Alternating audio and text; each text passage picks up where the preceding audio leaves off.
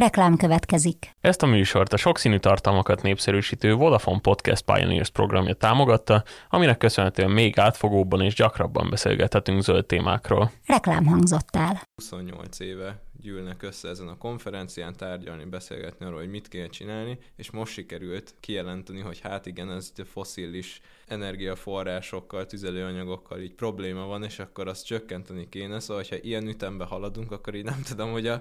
kivezetésre így még hányszor 28 évet kellene várni.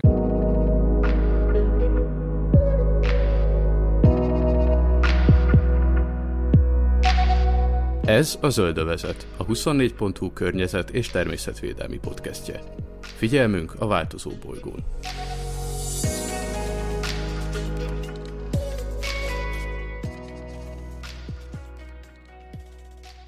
Üdvözlöm a kedves hallgatókat, ez itt újra a Zöldövezet, és hát az idei utolsó adásával jelentkezünk, és hát mi lehetne igazából fontosabb téma, mint ugye a COP28, amiről már előző héten is beszélgettünk Logosi Péter kollégámmal. Szerkesztőségileg beszéljük meg, hogy mik is voltak azok a legfontosabb történések, amik itt lezajlottak az elmúlt hetekben Dubajban. Akkor egy kicsi összefoglalót így hoznék az előző hetekből, ugye beszéltük az előző adásban, hogy ez egy Dubajban megrendezett konferencia volt, a 28. alkalommal tartották meg, és igazából ez volt az első olyan konferencia, ahol lényegében egy ilyen globális leltárt tartottak, ugyanis megnézték, hogy a párizsi megállapodásban foglaltakhoz igazából hol tartanak az egyes országok saját vállalásaikkal. Spoiler, igazából nem olyan jól, el lehet mondani igazából, hogy egy elég rossz szenárióban vagyunk jelenleg, ugye az egyes országok nem igazán tartják magukat a vállalásaikhoz, viszont a héten zajlott egy nagyon érdekes beszélgetés másfél fok rendezésében Ürge Borsec Diánával, aki ott is volt a konferencián egyébként, és hát elmondta, hogy sokkal rosszabb pályán is lehetnénk, úgyhogy ez a a, ha nem csináltunk volna semmit kategória, akkor egy olyan 6 foknál tartanánk, most viszont még a legrosszabb esetben is olyan 3,5-4 foknál meg lehet állítani a felmelegedést az évszázad végéig. Igazából erről a témáról fogunk beszélni Stéger Dávid kollégámmal, úgyhogy szerintem nézzük is át, hogy mik voltak így a, a legfontosabb történések az eseményem. Én igazából még itt a, mielőtt nagyon belevágnánk magunkat, így kiemelném, hogy mondtad most ezt a hát ilyen két-három fok közötti melegedést várunk az évszázad végéig, de ugye a Párizsi ö, egyezményben, amit te is említettél, ott ugye másfél fokra szabályozásba állapodtak meg ugye 2015-ben a, az államok, szóval ett, ettől még azért még, még mindig nagyon le vagyunk csúszva, viszont akkor nézzük meg, hogy most igazából mi az a nagyon fontos dolog, ezen a konferencián, ami most, amivel most megegyeztek az országok, és segítheti ezt a másfél fokos cél elérését. Hát ugye itt a másfél fok, ahogy már sok adásban beszéltünk róla, de hogy ez, ez igazából még így egy élő szenárió, de hogy például Molnár László meteorológussal beszéltünk róla itt az El Niño kapcsán például, hogy ez már az elkövetkezendő években beteljesedett akár ez a másfél fokos melegedés, viszont ugye itt nem egy állandó dologról beszélünk, ez ide-oda fog mozogni az évszázad során, Viszont azért azt el lehet mondani, hogy ez egyre kevésbé reális, úgyhogy most már így a, a realista számítások is azt mondják, hogy ez a, a kettő lehet az a cél, amit így meg lehet tartani valójában, és ehhez is komoly vállalások kellenek. És akkor a záró dokumentumról, ugye felemás helyzetben vagyunk, mert igazából így a, a 28. COP, így a, az ENSZ-nek az ilyen klímacsúcsa, az egyrésztről történelminek mondható, mert most először tényleg bele lett fogalmazva az, hogy a, el kell távolodni a fosszilis energiától. Ugye itt az ilyen nyelvi finomságokra érdemes figyelni ebbe a, ebbe a, a záró dokumentumban, ugyanis ahogy hallottam a beszámolók alapján, itt eredetileg egy ilyen eléggé legyengített szöveget nyújtottak be az elején, és a, a felháborodásra hallgatva némileg ezen erősítettek a legvégén, de hát ugye itt is az van, hogy nem kivezetjük, nem az, hogy nullára csökkentjük akár már ebben az évtizedben, hanem hogy fokozatosan eltávolodunk. Igen, ugye ez azért elég érezhető, hogy ez még egy, így is egy roppant ilyen szellős megfogalmazás, hogy eltávolodunk, szóval én nem tudom, hogy mi, mi lett volna az eredeti, hogyha, hogyha ezt sikerült így megerősíteni, és ugye hát ez itt elég szintén kérdésekre ad okot, hogy, hogy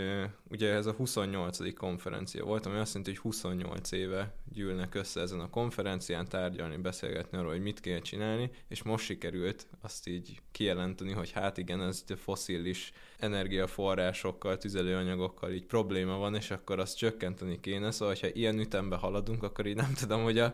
kivezetésre így még hány 20, hányszor 28 évet kellene várni, hogy valami konkrét tervel így előálljanak, hogy akkor mikor, milyen lépésekben, hogyan fogjunk eltávolodni tőlük. Egyébként fontos kiemelni, hogy ugye itt beszélünk arról, hogy mennyire lassan értünk el ez a folyamathoz, viszont bele kell kalkulálni szerintem a számításokba, hogy az elsősorban talán nem az egyes országoknak köszönhető, hanem sokkal inkább az olajlobbinak. Ugye vannak ebben nagyon érdekelt országok, például az Egyesült Arab Emírségek is, ahol tartották most ezt a konferenciát, és egyébként, amelynek olajvállalatának elnöke elnökölte egyébként ezt a mostani klímakonferenciát. Ugye itt is látni az ellentmondásokat, és még a, a konferencián is volt egy kisebb botrány abból, hogy például Al Jaber azt mondta, hogy nincsen tudományos megalapozottság arra, hogy a fosszilis energiahordozók kivezetése segítene a klímacélok elérésében. Nos, hát van, igazából ez teljesen egyértelmű. Hát igen, lassan jutottunk el ehhez a lépéshez. Ugye az első nagyobb lépés ilyen szempontból az volt, hogy két évvel ezelőtt Glasgow-ban, ugye ott azt fogalmazták bele, hogy a széntől kell eltávolodni. Ez volt az első ö, ilyen konkrét kiemelés, de hát ugye a, a szén az csak egy a foszilis energiája hordozók közül. Ami fontos lépés volt nyilvánvalóan, hogy kimondják, de hát azért ennél sokkal többet is kell. És amit szerintem még itt érdemes kijelenteni ennek kapcsán, hogy Ugye itt megállapodtak az országok, lehetett hallani egyébként arról is, hogy például az ilyen igazán érintett országok, például az ilyen apró szigetországoknak a képviselői, azok ott se voltak, amikor leütötték a kalapácsot a végleges döntésre. De született egy megállapodás, aminek igazából sok értelme olyan értelemben nincs, hogy nem kötelezhetők az országok ennek betartatására. Úgyhogy szerintem ez egy érdekes szempont ebből, hogy ugye mégiscsak egy hetekig tartó ENSZ konferencia, és a végén úgy mennek haza az országok, hogy igazából egy ilyen morális iránymutatás van a, az államfőknek, hogy mit kellene csinálni, de konkrét törvényi betartatás az igazából nincs. Igen, hát ezt már korábban is láttuk, ugye, hogy megint visszatérve a Párizsi Egyezményre, ugye ezt 2015-ben kötötték meg a, a, az ENSZ-nek a tagállamai, és hát amint látjuk, így nem nagyon van olyan állam, ami, aki teljes mértékben tartja magát ehhez, és nyilván itt sincsenek semmilyen következményei ennek, de hát most persze hogyan is lehetne a tagállamokat erre kötelezni. Tehát így nem, nem tudom, hogy, hogy, hogy milyen eszközökkel lehetne erre rákényszeríteni egy, egy országot, tehát hogy most mondjuk azt, hogy nem tudom, szankciókat léptetünk ellenük érvénybe, mint Oroszország ellen, ugye, de hát látjuk, hogy azért azok se feltétlenül használnak, tehát hogy Oroszország ellen rengeteg szankció van érvényben, de valahogy az orosz katonák még mindig Ukrajnában vannak, szóval nem tudom, hogy, hogy mondjuk Katart mennyire érdekelné, hogy, hogy szankcionálják, és mennyire áll le a, a, az olajtermeléssel, főleg úgy, hogy ugye nyilván ezeknek az országoknak, tehát hogy Katar, az emírségek, nem tudom, Szaúd-Arábia, rengeteg ilyen ország van, aminek az egyik legfontosabb bevételi forrása a foszilis energiahordozók, tehát be kell látni, hogy azért ezt nagyon nehezen lehetne megcsinálni, hogy ha jó, akkor most, most ezt így hagyjátok abba, mert egyszerűen akkor onnan lesz pénzük egyébként látni az elmúlt években, hogy próbálják ki kicsit diversifikálni a gazdaságukat, mondjuk, hogyha Szaúd-Arábiára nézünk, akkor ott vannak ilyen eszméletlen beruházások, ugye, amiről már többször is írtam, ilyen fényűző beruházások, amivel ja, igen, a ők most turizmus nagy turisztikai paradicsomát igen, igen. igen, igen. De hát itt a, a szankciók kapcsán szerintem azt egyébként nagyon fontos behozni azt a nézőpontot is, amit Ürge Borsec Diana mondott, hogy az átlagembernek nyilvánvalóan bizonyos szempontból fölöslegesnek tűnhetnek ezek a COP konferenciák, viszont olyan szempontból van értelme, hogy ugye mi is most itt beszélgetünk róla, és benne van azért a köztudatban, ami néhány évvel ezelőtt, mondjuk néhány, tíz évvel ezelőtt ez nem feltétlen volt így, és olyan szempontból is jó, hogy igazából a, a szektorok kapnak ilyen szempontból egy jelzést. Szóval a, a fosszilis szektorban egyre inkább az lesz a meggyőződés, hogy ezek a beruházások nem fognak hosszú távon megtérülni, és a nem megtérülő beruházásokba meg hát kevésbé fognak fektetni az országok. Ami szerintem a következő érdekes téma az az, hogy kijelentették itt az áró dokumentumban azt is, hogy meg kell triplázni a megújuló energiának az arányát, és meg kell duplázni az energiahatékonyságot is, és erre egy viszonylag közeli dátumot adtak meg, ezt az évtized végére. Igen, tehát 2030-ra, ami amúgy egy elég, hát ez, ez nem sok idő van addig, és, és itt, itt már megint akkor jöhetnek ezek a kételyek, hogy ez mennyire megvalósítható egyáltalán, illetve mennyire akarják megvalósítani egyes államok. Mert mondjuk még azt mondom, hogy elhiszem, hogy nem tudom, Norvégia vagy Németország azért ezt meg tudja ugrani, hogyha nagyon szeretné, és mondjuk még azt is elhiszem, hogy szeretné, de hogy mondjuk vegyük Magyarországot, hogy itt, itt ez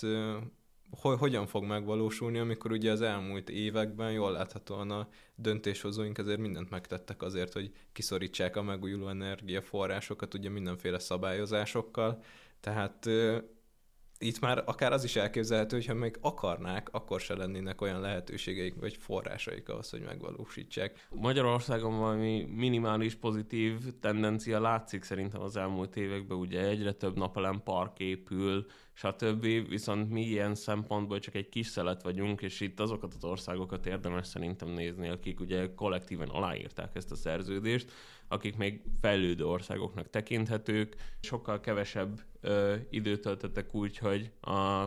modern energiahordozókat használták volna például a megújuló energiákkal, és hát nekik sokkal nehezebb lesz az átállás ilyen szempontból. Úgyhogy nagyon fontos lesz az, hogy például a regionális kormányok azok mennyi pénzt tudnak erre fordítani, ugye nálunk is nagyban függ attól, hogy például a, a kormány milyen szabályozásokat, milyen támogatási rendszert biztosít ahhoz, hogy például az otthonokra napkollektorokat szereljenek,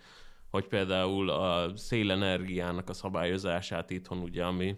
most még egy ilyen lényegében megugorhatatlan kategória, viszont ezt idővel muszáj lesz valamennyire átrajzolni, Hát most egész konkrétan, hogyha javíts ki, hogyha rosszul tudom, de hogy egész konkrétan most úgy van a szélerőművekkel a szabályozás, hogy nem tudom, megvan adva egy ilyen hatósugár, hogy lakott Igen. területtől hány kilométeres sugárban nem lehet,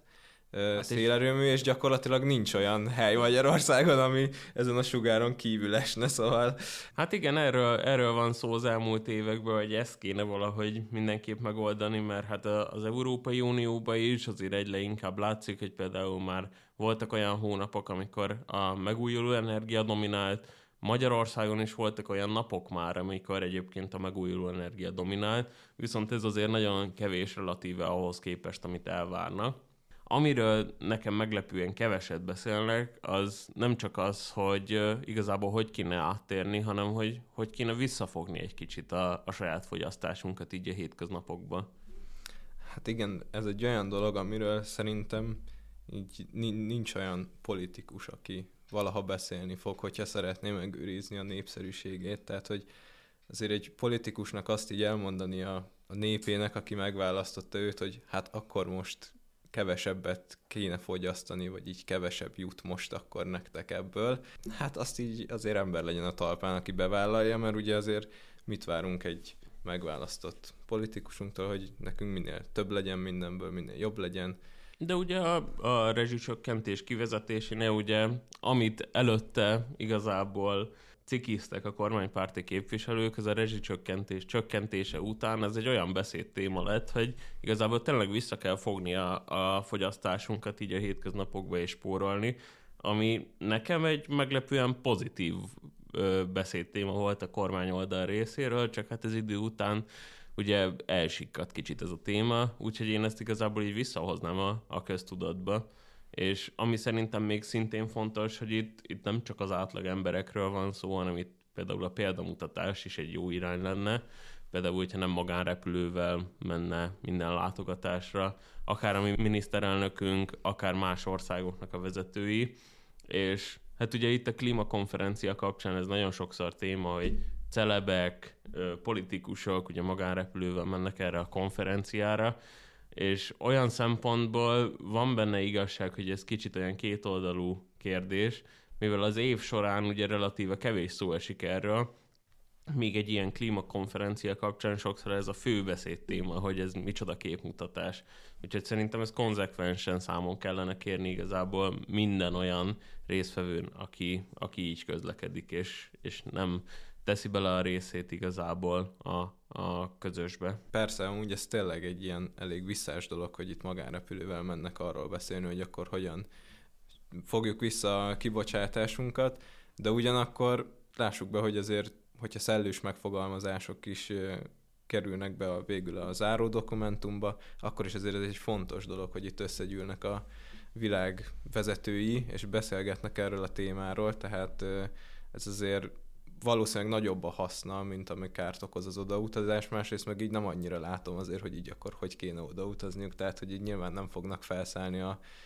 vonatra itt a világ legbefolyásosabb emberei, és akkor együtt eltömeg közlekedni, vagy nem tudom. Mondjuk talán még azt meg lehetne oldani, hogy mondjuk az EU-s tagállamoknak a vezetőit mondjuk így egy gép viszi el, mert szerintem azért egy magánrepülőt, hogyha így nem tudom, 10-15-en megosztanak, akkor azzal talán még úgy el lehet utazgatni Na, kényelmesen, nagy duzzogva, igen. igen.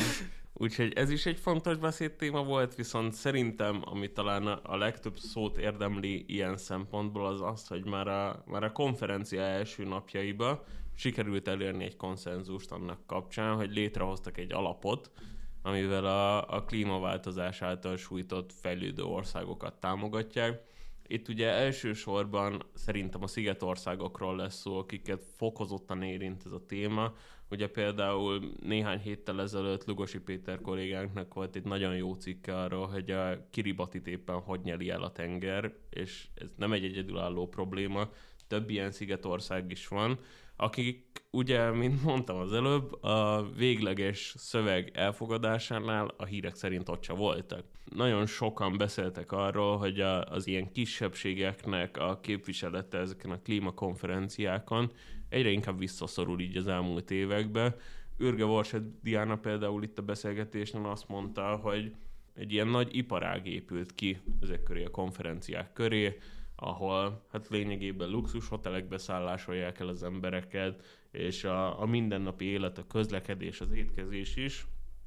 olyan drága lett ezeken a helyeken, hogy lényegében kisebb környezetvédő szervezetek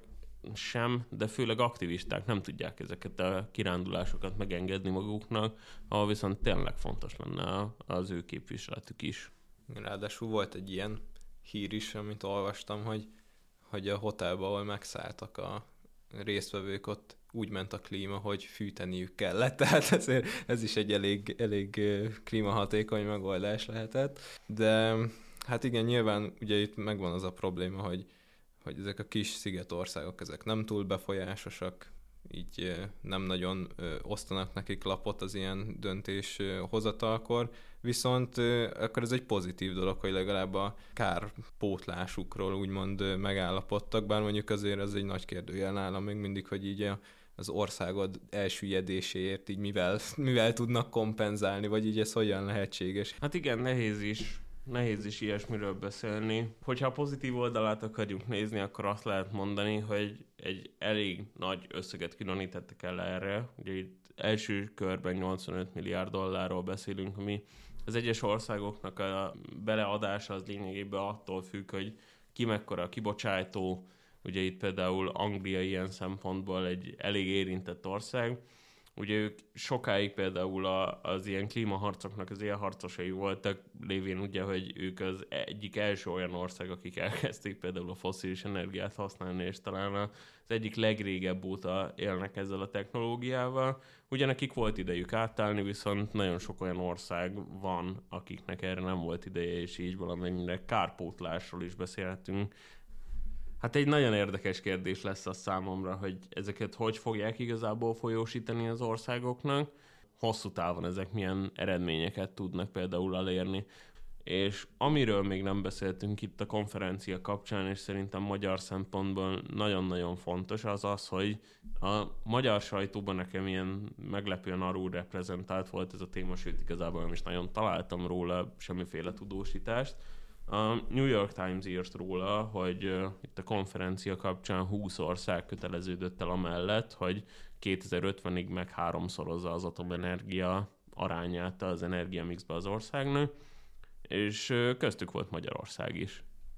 Ami nekem egy, azért egy érdekes kérdés, mert ugye itt vagyunk 2023 év végén, pontosan már vissza se tudom idézni, hogy mikor kezdődött a Paks 2 projekt, vagy igazából mikor nem kezdődött el a Paks 2 projekt, de hát itt lassan már egy évtizede beszélünk arról, hogy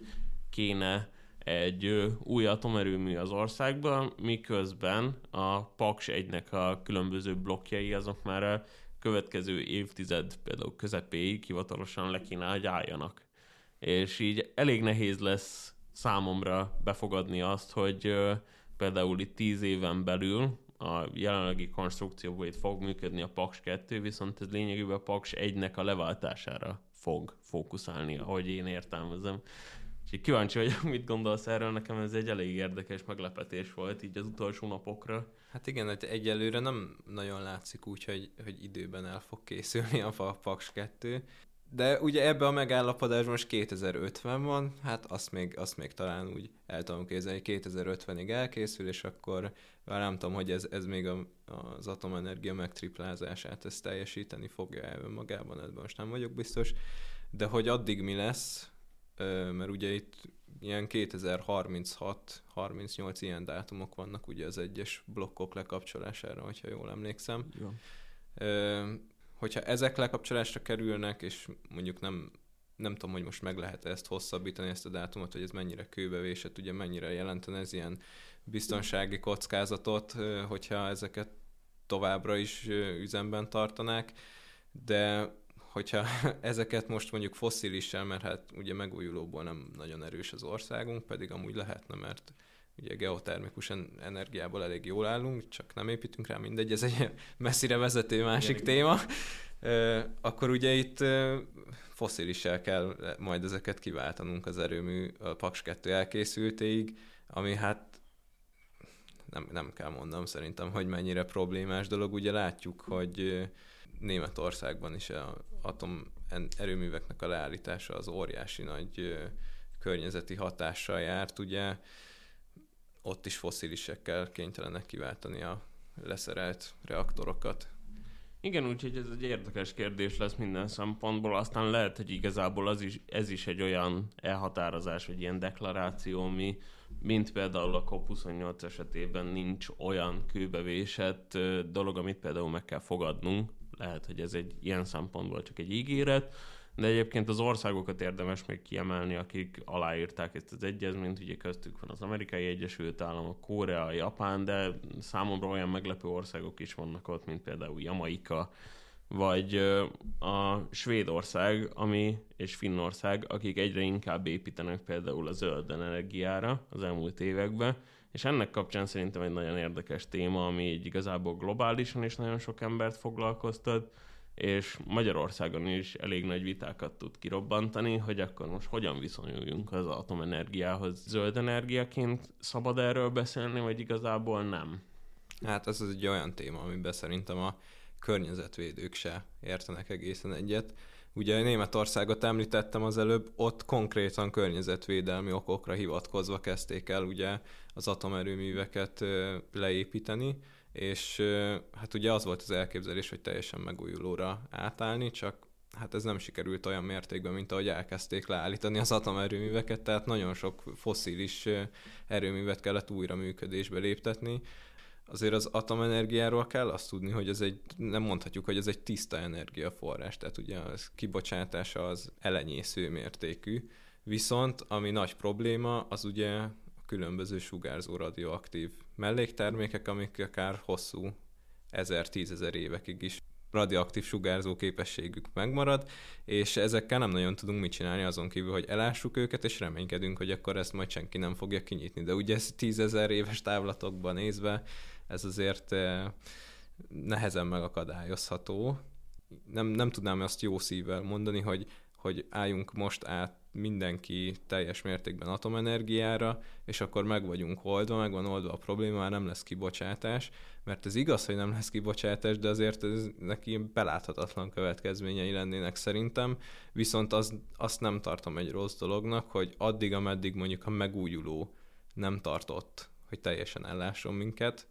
addig ez egy jó idéglenes megoldás lehet. Hát igen, és itt a, a környezetvédők az atomenergia kapcsán ugye nagyon sokszor a, a fukushimai, vagy éppen a, a Csernobili példát szokták felhozni, de itt ugye mindkét esetben, a, a Csernobili esetben abszolút egy emberi hibáról beszéltünk, még a fukushimai esetében egy emberi hiba párosult egy ö, ilyen környezeti hatással, ami igazából kivéthetetlen volt, és például ilyen szempontból hosszú távon a japánok is realizálták, hogy például egy földrengésekkel igen gyakran ellátott területre, ráadásul víz közelben nem biztos, hogy a legjobb építeni ilyen szempontból atomerőművet, ugye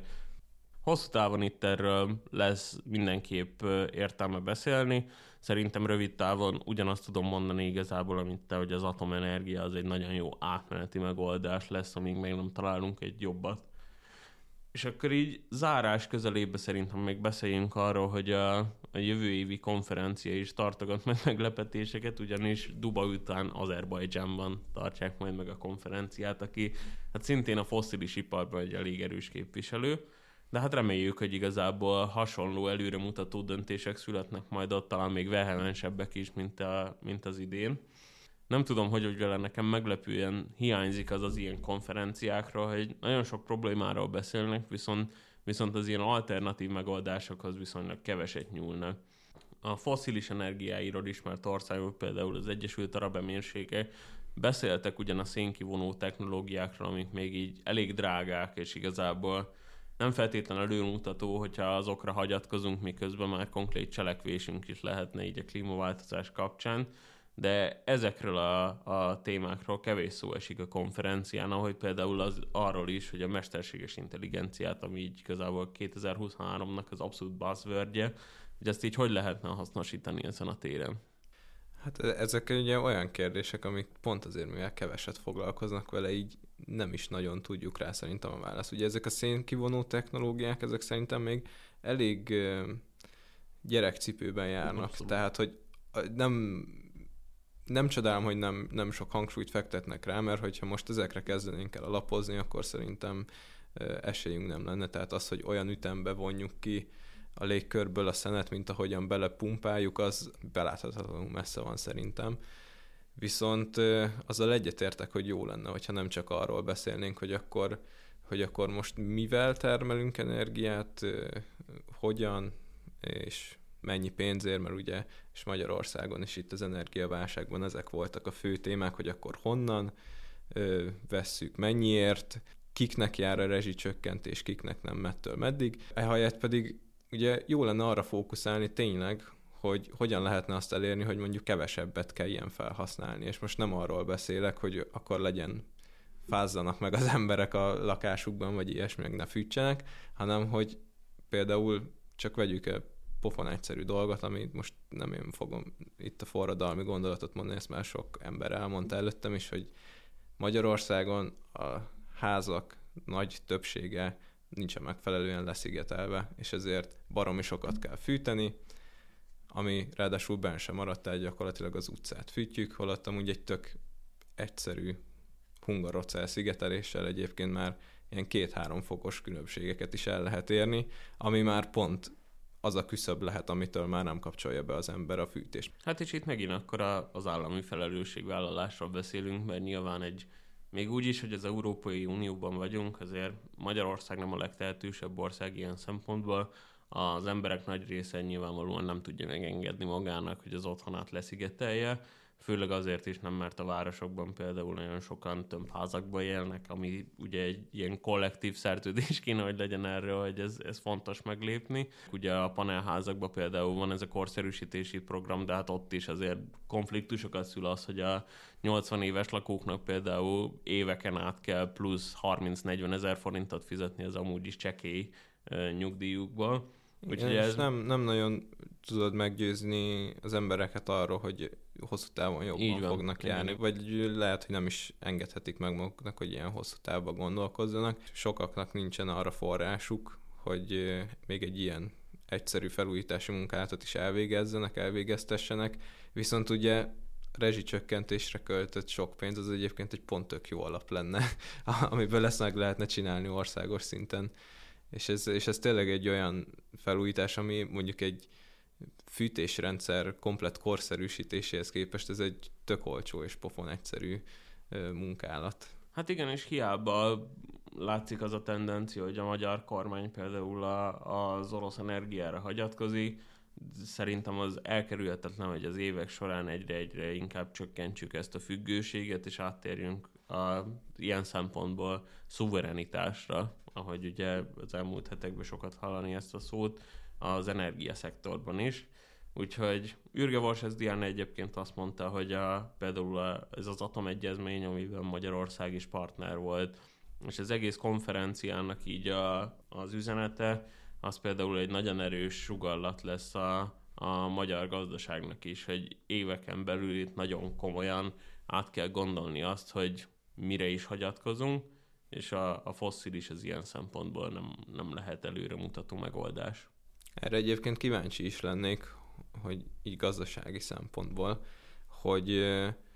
hogy ez a bejelentés, most ez a záró dokumentum, amit most aláírtak, ez egyébként ugye az olajcégeket mondjuk ez, ez mennyire érintette meg a tőzsdén, tehát ezt nem tudom, ezt nem néztem utána, nem feltétlenül ö, kecsegtető a befektetők számára ez, hogy, hogy most tényleg így elkezdenek eltávolodni az országok, akkor talán nem nem lesz annyi részvényese ezeknek a cégeknek, és így szépen lassan ugye össze tudnak dőlni ezek a vállalatok, de hát azért ennyire még nem szaladnék előre, mert szerintem ez még azért nem jövőre fog bekövetkezni. Hát ennyire sajnos nem is lehet előre szaladni, mert ugye a dokumentumban például az is ki van emelve, hogy itt a, a foszilis tüzelőanyagokról egyelőre az energiarendszerek kapcsán beszélünk, szóval itt az ipart még annyira nem érintett ezen a téren. De hát reméljük, hogy a következő konferenciák ebből a szempontból előrelépést hoznak, nagyon köszönöm, hogy kibeszéltük ezt a témát így az év zárásaként, és a hallgatóknak is köszönjük, hogy velünk tartottak. Jövőre újra jelentkezünk zöldvezet adásokkal, addig is sziasztok!